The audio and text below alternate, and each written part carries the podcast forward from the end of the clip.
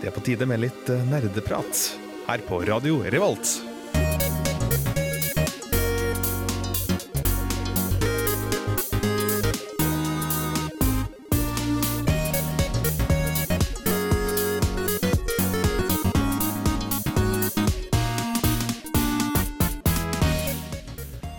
Alle sammen, og velkommen tilbake til en ny episode med Nerdeprat. Hurra! Eh, Hurra! Jeg merker jeg sier hurra ofte, men det er fordi det er så gledelig å være her i studio med dere i dag. Det er selvsagt meg, Håkon.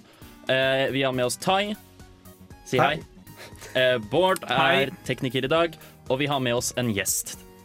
Det, det har dere. Ja. Det er meg. Det er Meg, Andreas. Deg. Andreas Riple fra Uillustrert vitenskap. Riktig. Um, til dere som er fastelyttere, han har jo selvsagt vært med oss en del ganger før. Ja. Men det er alltid like koselig å ha deg med her i studio. Åh, jeg gleder mitt hjerte. Veldig hyggelig å høre. Ja. Uh, vi skal avslutte vår kortspillsendingsserie i dag med å snakke om litt sånn singleplayer-kortspill. Men før det så tenker jeg vi skal ha litt koseprat med å snakke om hva vi har gjort siden sist. Og jeg tenker vi kan starte med Riple, siden han ikke er fast i studio. Ja, eh, og dette kommer sikkert som en veldig gledelig nyhet til, eh, til deg, Håkon. Mm. jeg har spilt veldig mye Hollow Night. Yes! Det er bra. Mer eller mindre det jeg har spilt siste tida. Eh, bortsett fra litt sånn Heartstone og Overwatch innimellom, men det, det er sånn eh, Det er ikke Ja. så farlig. Ja. men eh, Hollow Night eh, finner skikkelig mye glede i det. Mm. Eh, og det er sånn Det jeg elsker med det, er at du jeg finner alltid nye ting hele tiden. Hver Ja. gang jeg er inne så er bare sånn, oh, ja, shit, det var en sånn hemmelig hule jeg kunne svømme til. Det kunne ikke jeg før. Kjempegøy. Mm. Uh, så jeg er på 98 nå. Uh, det er vel 112 som er siste. 112 er fullt. Ja. Ja. Så jeg har et lite stykke å gå ennå, men jeg gleder meg. Det Ja. blir bra. Det, det er spennende. Det er også en av de største grunnene til at jeg likte Hollow Night så godt. Jeg husker første gang jeg spilte gjennom det, og jeg spilte for første gang, ja.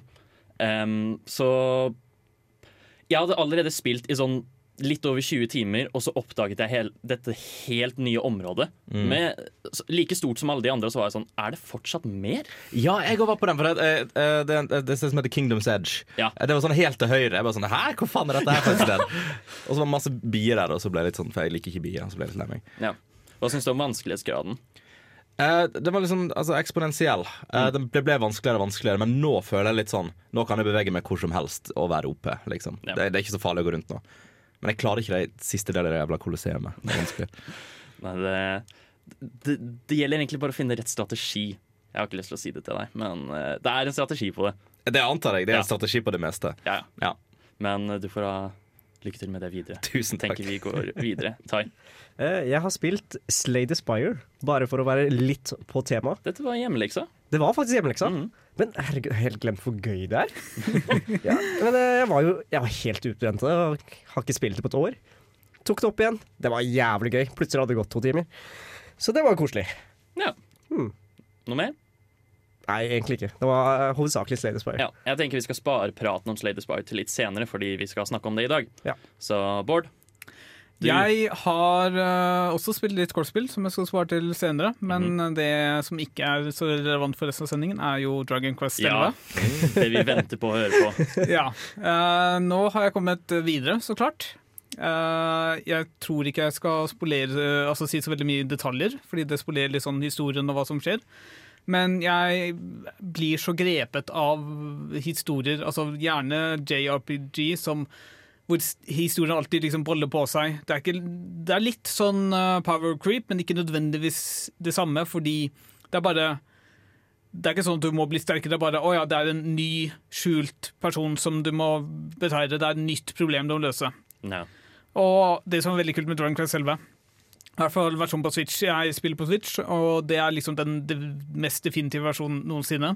Så jeg vet ikke om det er det på alle andre, men der har du også et sted i spillet hvor du kan gå tilbake til tidligere spill og gjøre sånn veldig små subplott Ah. av de tidligere spillene. Veldig kult. Det er Ja, det høres veldig kult ut. Ja, eh, og en annen veldig kul ting er at du kan velge mellom å spille 2D eller 3D, mens de reisende tilbake til de eldre spillene er alltid 2D, fordi jeg tror Ah. de forrige spillene var 2D eller noe Ja. sånt. Ja, de forrige spillene var vel sånn 8-bit, 16 Ja. Men utrolig bra spill. Det er veldig, veldig bra gjennomført. Jeg trives fortsatt veldig godt med Så det det. har ikke gått ned i kvalitet igjen.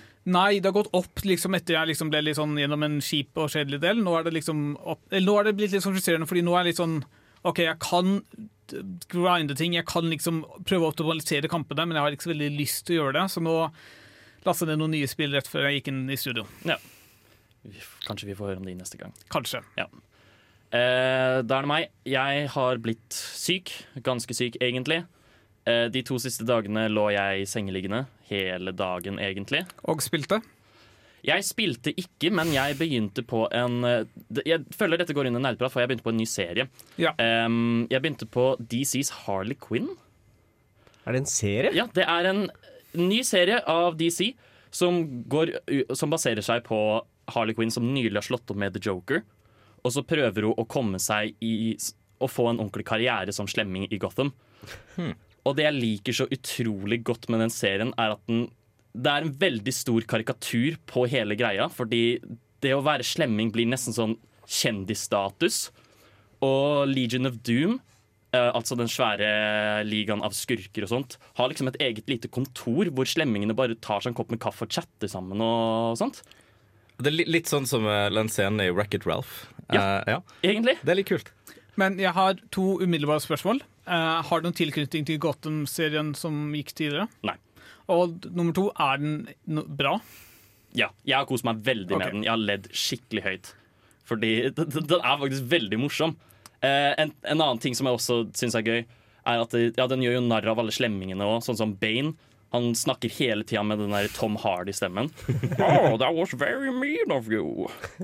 Så de, de tør liksom å sette det litt på spissen da, Ja. og faktisk plage, mobber disse karakterene litt. Ja. Det er kult. Ja, jeg, eh, jeg liker det veldig, veldig godt. Jeg synes det er kjempegøy. Og jeg anbefaler å se det. Det er dessverre bare på DC sin uh, subscription-side.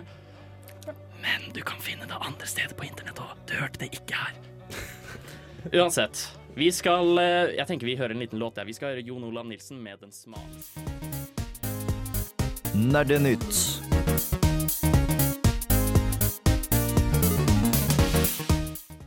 Vi er klare for litt nerdenytt. Det er en stund siden sist. Og Tai, du er nyhetsanker i dag. Hallo, det er nyhetsanker Tai. Eh, skal jeg starte med Platinum Games? Ja. Har dere fått med dere hva som skjedde med de? Ja. Ja. OK. Bård, vil du Skal jeg si det, eller skal du? Eh, jeg kan godt si det, fordi jeg gjorde Det her gjorde jeg faktisk i går. Mm. Jeg gikk inn på Kickstarter og, fordi jeg hadde hørt om dette på forhånd, og så bestilte jeg eh, en, ny, altså en ny og forbedret utgave av Nå husker jeg ikke hva spillet heter engang. Jeg. The Wonderful 101? Ja, Wonderful 101? Okay. Ja. kanskje veldig Ja. stemmer. Eh, det skulle opprinnelig kun bli lansert til Switch, men de har eh, nå fått inn så mye penger at de har sagt at de skal gi det til Steam og diverse andre konsoller i tillegg. De, får de har fått så mye penger, og det er ikke så veldig rart, fordi prisen på digital utgave er sånn 329 kroner. Norske. Ja. Eh, så tingen er at de søkte egentlig om 460 kroner.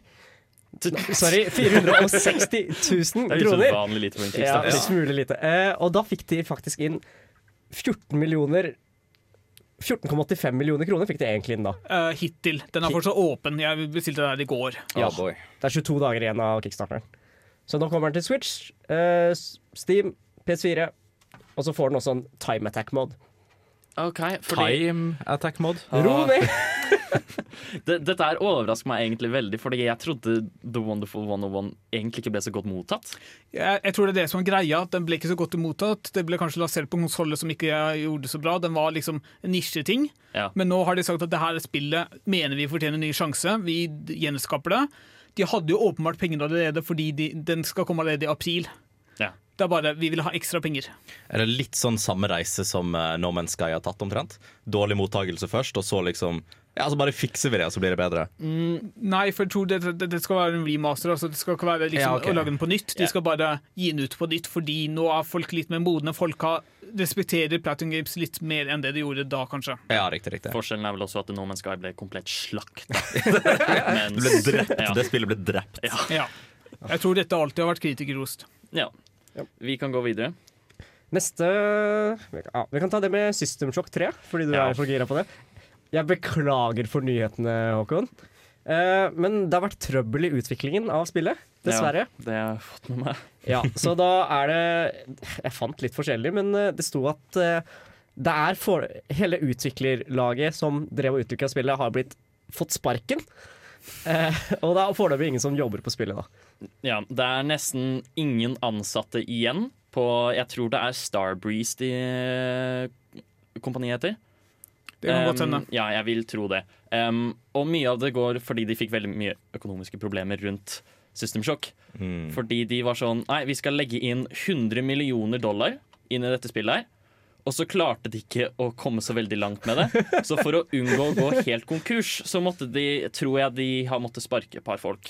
Mm. Og nå har de solgt det videre tilbake til Otherside, som var de som originalt lagde System Shock, tror jeg. Uh, en liten uh, kommentar på det, fordi jeg søkte opp Starbreeze sånn veldig fort. Eh, det var det som jeg trodde, det er også folka bak Payday 2 som egentlig skulle slutte å gi ut ting, men så fant de ut at de- nei, vi skal fortsatt gi ut ting likevel, mest sannsynlig for å tjene penger. Ja. Så det er jo et, ikke et dårlig spillselskap. De har jo Payday 2 som har vært en ganske god suksess, og Brothers A Tale of Two Sons, men det virker jo definitivt som de har pengeproblemer når Ja. de gjør ting som dette er. Jeg syns jo det er skikkelig leit, fordi jeg så egentlig veldig fram til det nye System Shock. Men Kanskje det havner på kickstarter, det også. ja, får håpe det. Det er vel der Eh, alle spill havner nå, ikke det? Jo, det er, det- det er de fleste havner, i hvert fall. Mm. Da, vi får håpe det går bra. Har du en siste nyhet for oss, Tai? Uh, vi kan ta for oss det med Anthem. Ja, OK. BioWare sitt basically døde spill på launch. Ja. uh, det er fortsatt dødt. Uh, det eneste, det eneste halv, halvveis nye med det da, er at uh, utviklerne har nå sagt at de skal slutte å gi ut små expansions foreløpig. Og så skal de revurdere framtiden og komme med noe stort nå. Det, okay. det er vel ikke helt det de sa. Det de har sagt er jo at Nå har de brukt et år på å liksom lage innhold som kan skje i sesonger og sånt. Og så Nå skal de ta en pause fra videre utvikling på det og gjenskape det. De skal ikke revurdere det, de skal liksom gjenskape Altså prøve å lage en 2.0, sånn som vi hørte om Artifacts forrige gang. Eh, De skal ja, gi det ut på nytt, ny og bedre. Ja. Så det er veldig midtlivskriseperiode for Ja, Anthem akkurat nå. men det er ikke sånn at de revurderer spillet sånn som Altså, Artifact har vi ikke hørt noe om. Uh, Anthem virka som at de faktisk skulle fortsette med. Og Anthem har jo hatt et år nå på jevnlige oppdateringer. Mm. Ja, men allikevel så er det på et punkt hvor spillerne ikke plukker opp lut fordi det er så dårlig lut. Ja. Det høres ganske ille ut. Definitivt. Så det er kanskje egentlig for det beste, da, at dette her skjer. Det, det er jo det. Det er jo Ja. den eneste rette måten å fikse på. Hvis ikke så fortsetter det bare å være dødt. Mm. Ja, nei, jeg tror nesten vi skal uh, gå videre. Uh, det var no, et par nyheter der nå som vi fikk. Noen gode, noen dårlige. Uansett, nå skal vi høre en god låt. Vi skal høre Slutface med Static. Ja, der fikk vi høre en skikkelig god låt, om du spør meg. Jeg liker Slutface veldig godt. Men uansett, vi skal gå videre til temadelen vår. Vi skal snakke om singleplayer-kortspill.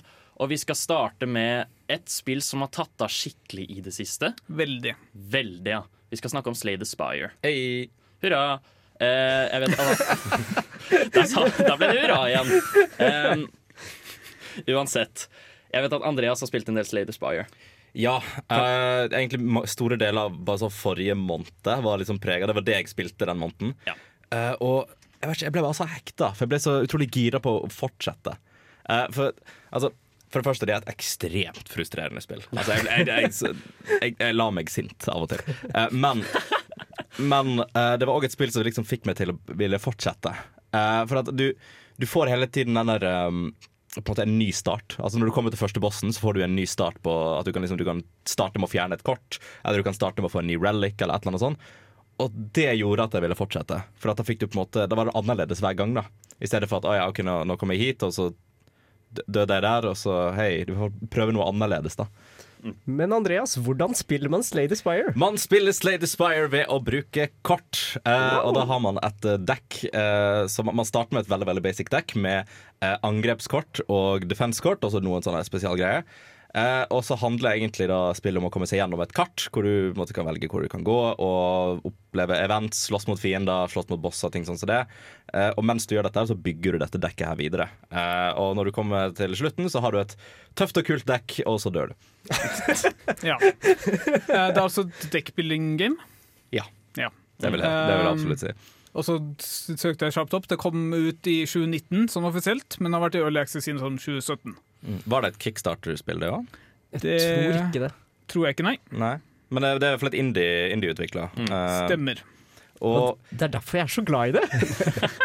altså, jeg er jo alltid for å liksom støtte, støtte indie developers. Abso- absolutt. Det er jo både det og Hollow Night som har, som har gjort meg veldig glad i det siste. Um, men jeg liker jo veldig godt estetikken i det. Ja.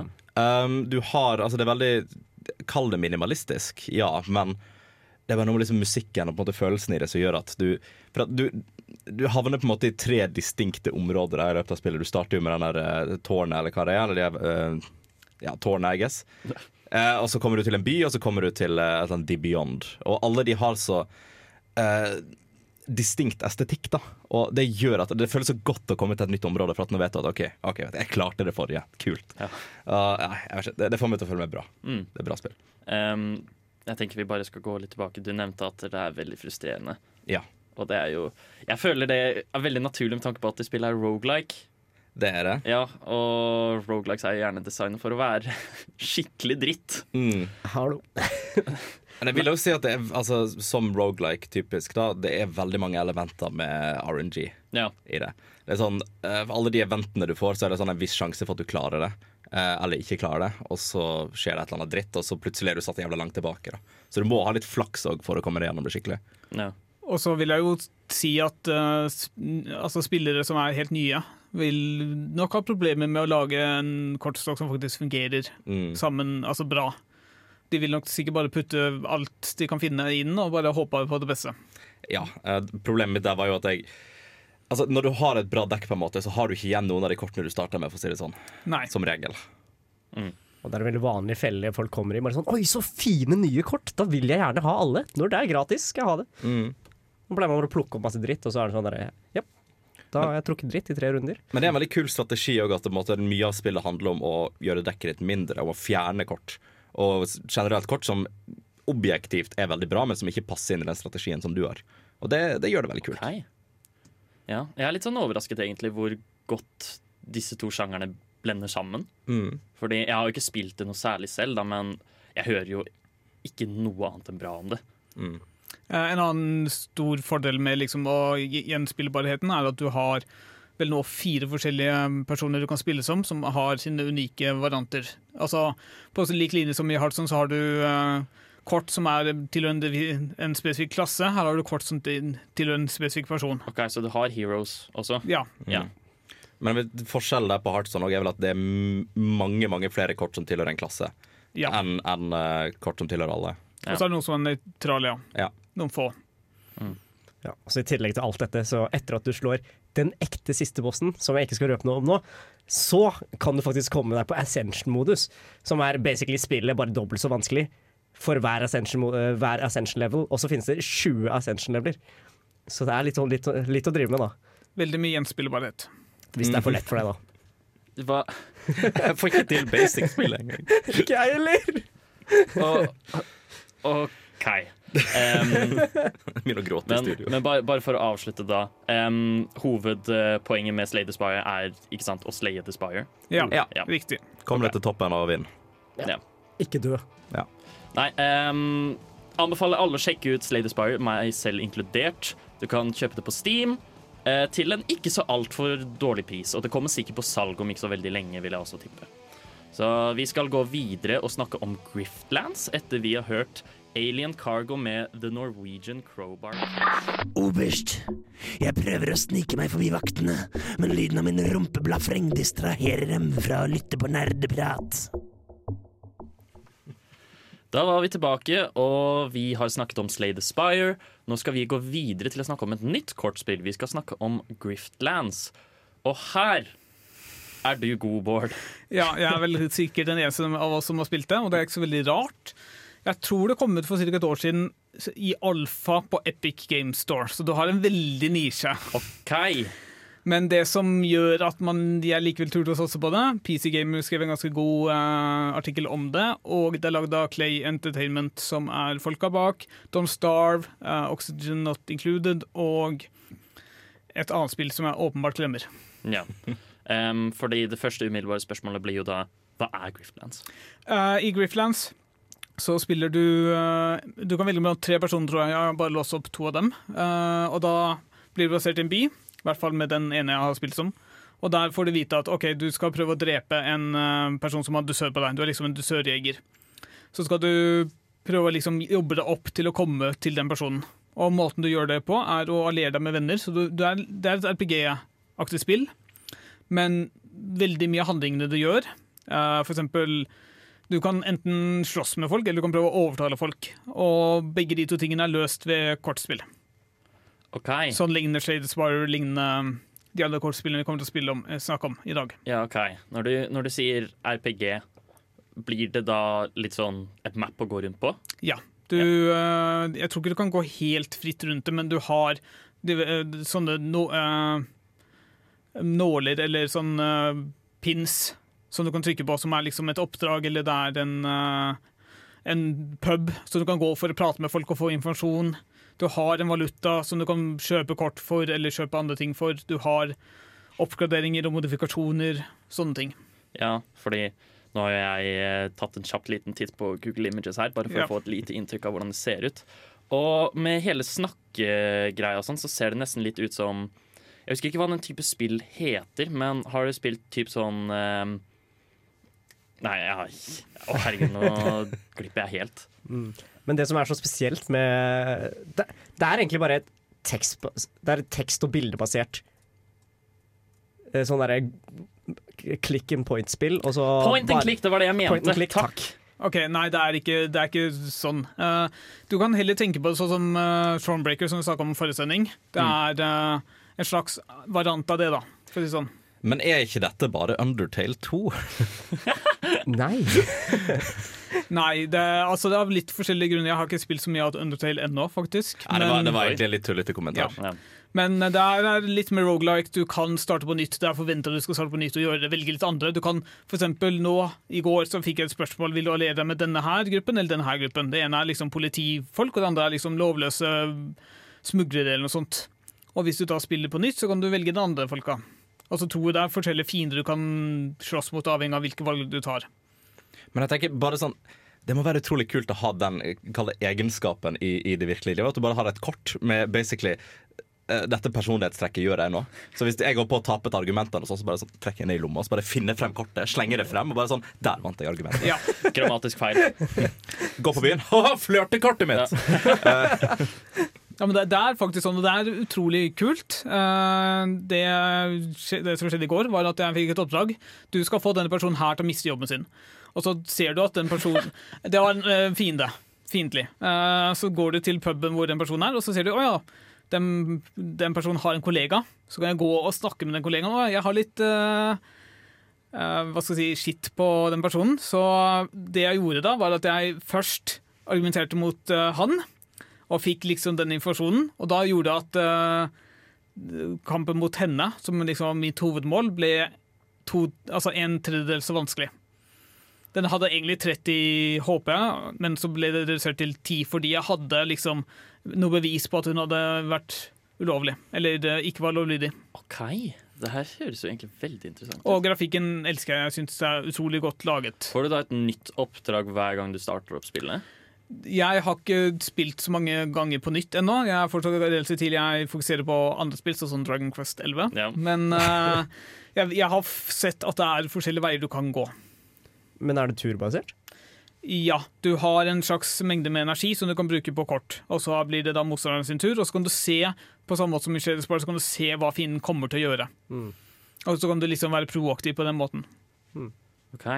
Um nei, jeg syns dette her var en veldig unik vinkling. Ja, det er veldig kult. Mm. Men bare litt sånn uh, spillmekanisk spørsmål. Uh, er det sånn at hvis du, hvis du på en måte For du, du s- sa til meg tidligere at du har, liksom, du har combat og så har du prating. Det, de er Ja. veldig separert. Men hvis du ser at ok, nå holder jeg på å tape dette argumentet, kan du bare sånn slå?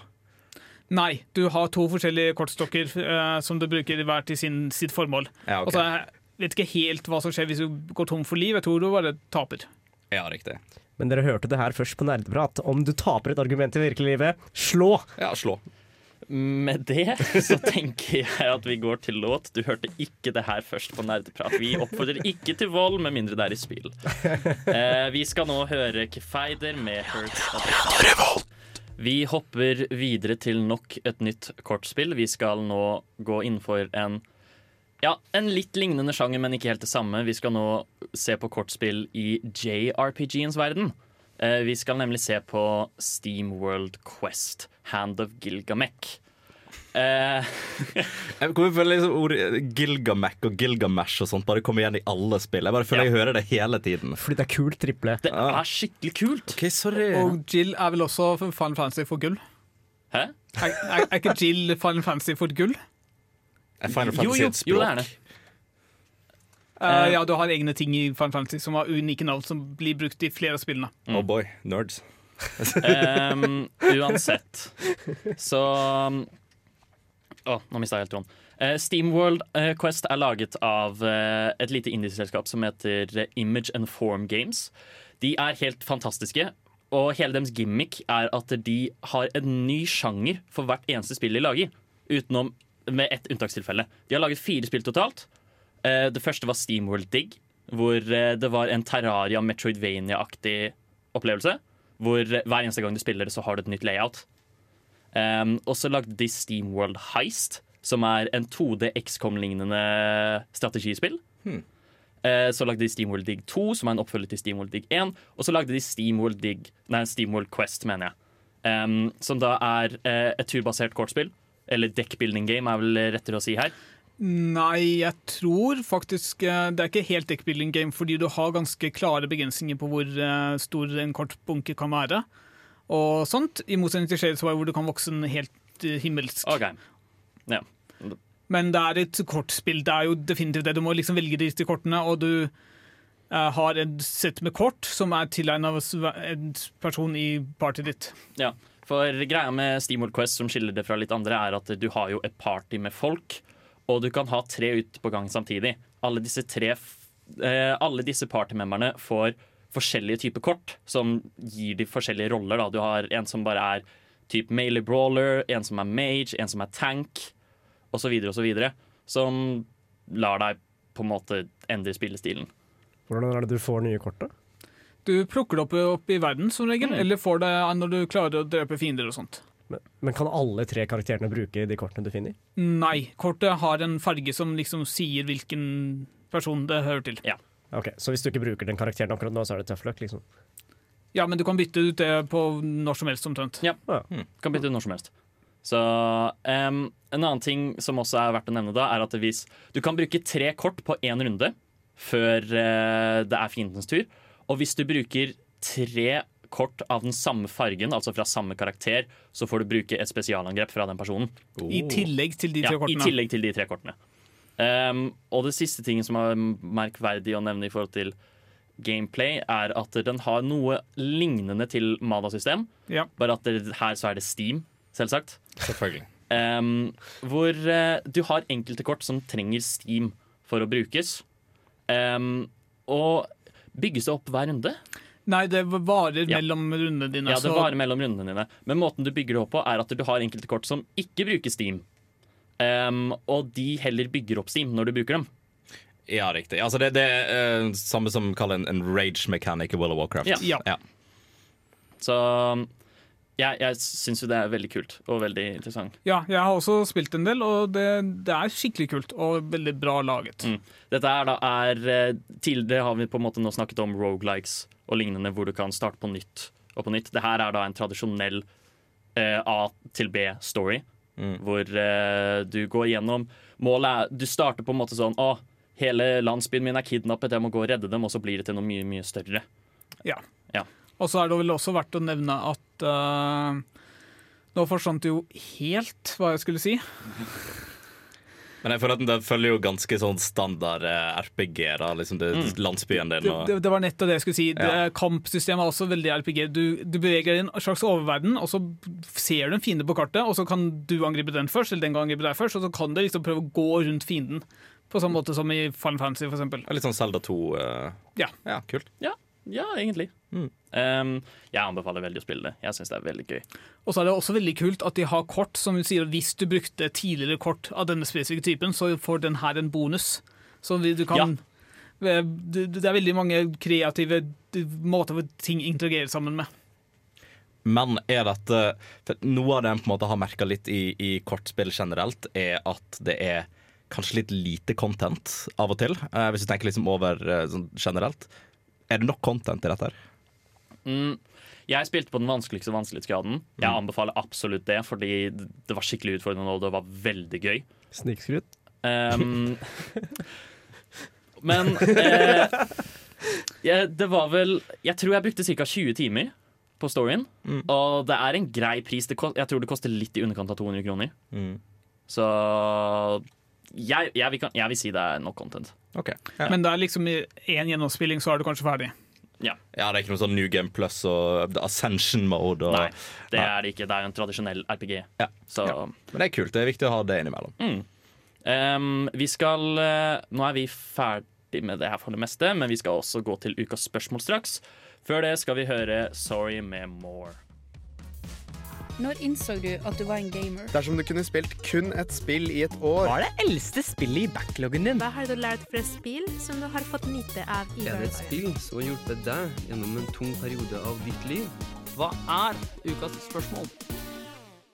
Ukas spørsmål i dag er som følgende. Hva slags type kortspill ønsker du å se i fremtiden? Er det noen som har noen umiddelbare tanker her? som de har lyst til å... Jeg har ett. Ja. Jeg har flere, faktisk. Det første jeg kom på, finnes, allerede, eh, finnes dessverre allerede. Uh, Hand of Fate, som er liksom en dungeon crawler, men dungeon du går gjennom, blir, er basert på kortstokk som du selv velger. Så du kan velge hvilket scenario du skal liksom gå gjennom.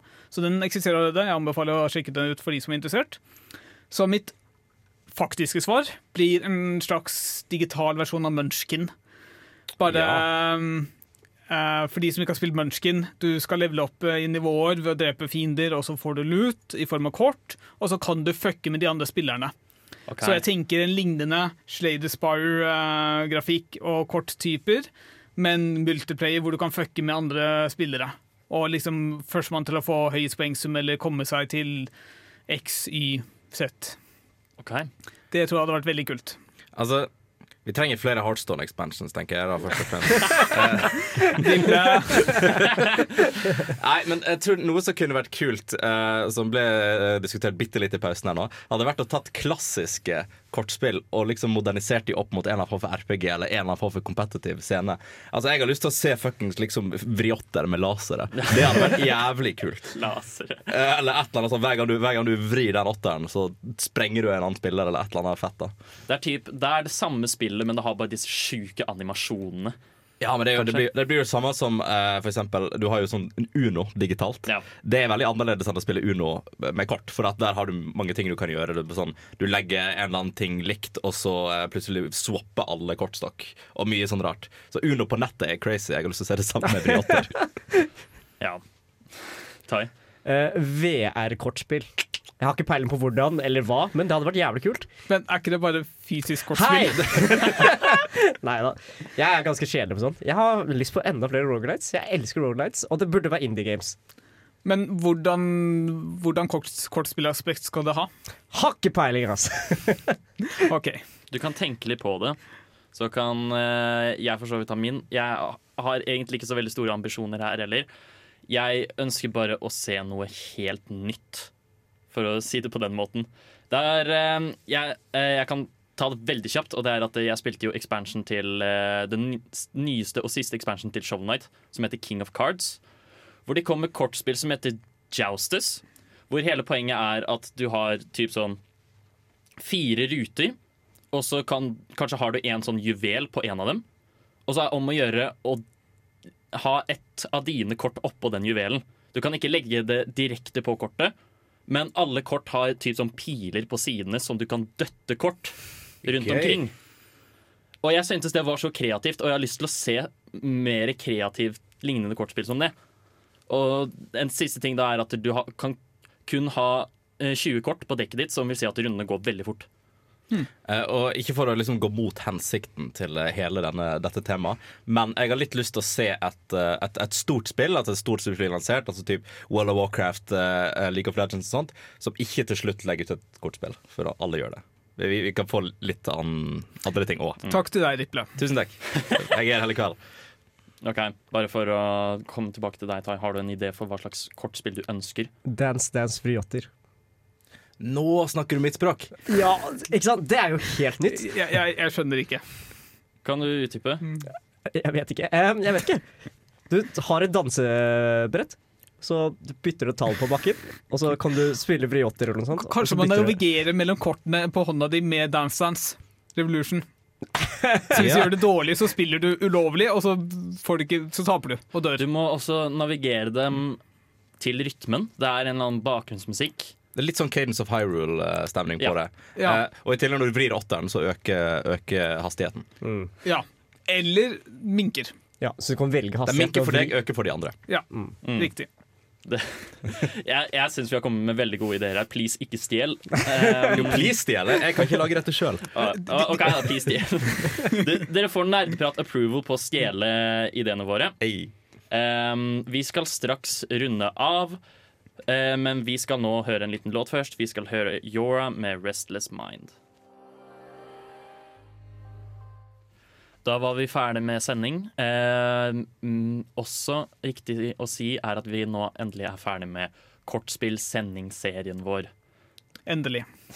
Endelig. Det har vært tre sendinger. Um, denne siste her var vel egentlig da litt for å vise hvor mye man kan gjøre da med kortspillsjangeren. Og hvor mye variasjoner er der ute? Ja, og at det finnes faktisk andre kortspill der ute som bare ikke er multiplayer. Ja. Så um, Kort og godt. kort og godt. Kort og godt. Uh, sjekk ut de vi har nevnt. Uh, Mm. også Hand of Fate og uh, nyeste delscenen til Shovel Night, som egentlig bare er Shovel Night. Ja, egentlig. Hvis, hvis du kjøper Shovel Night, så får du med alt. Og hvis du har en kortstokk hjemme, spill briotter. Eller gris. Eller gris. Eller gris. Ja, jeg, prøv å slå rekorden til Håkon i Gris. Ja.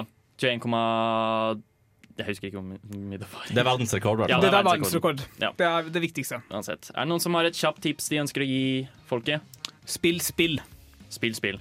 Eh, og back eh, Wonderful 101 hvis du ønsker. Og følg med på Platinum Games, fordi de lager skikkelig mye bra spill. De, de, skal ha, de skal komme ut med sånn tre-fire nye nå nylig. Jeg Ja. tror det her var en av dem. Eller eh, noe sånt. Mm, Og utfordre meg i Smash Ultimate, for jeg kommer til å knuse deg. Oi. vi får se på det. Hei. Takk til deg, Dipla. Ok, eh, Nå får dere Wingdings med Sønn, og med det sier vi adjø. Ha det bra. Ha det bra. Du har lyttet til en podkast på Radio Revolt, studentradioen i Trondheim. Sjekk ut flere programmer på radiorevolt.no.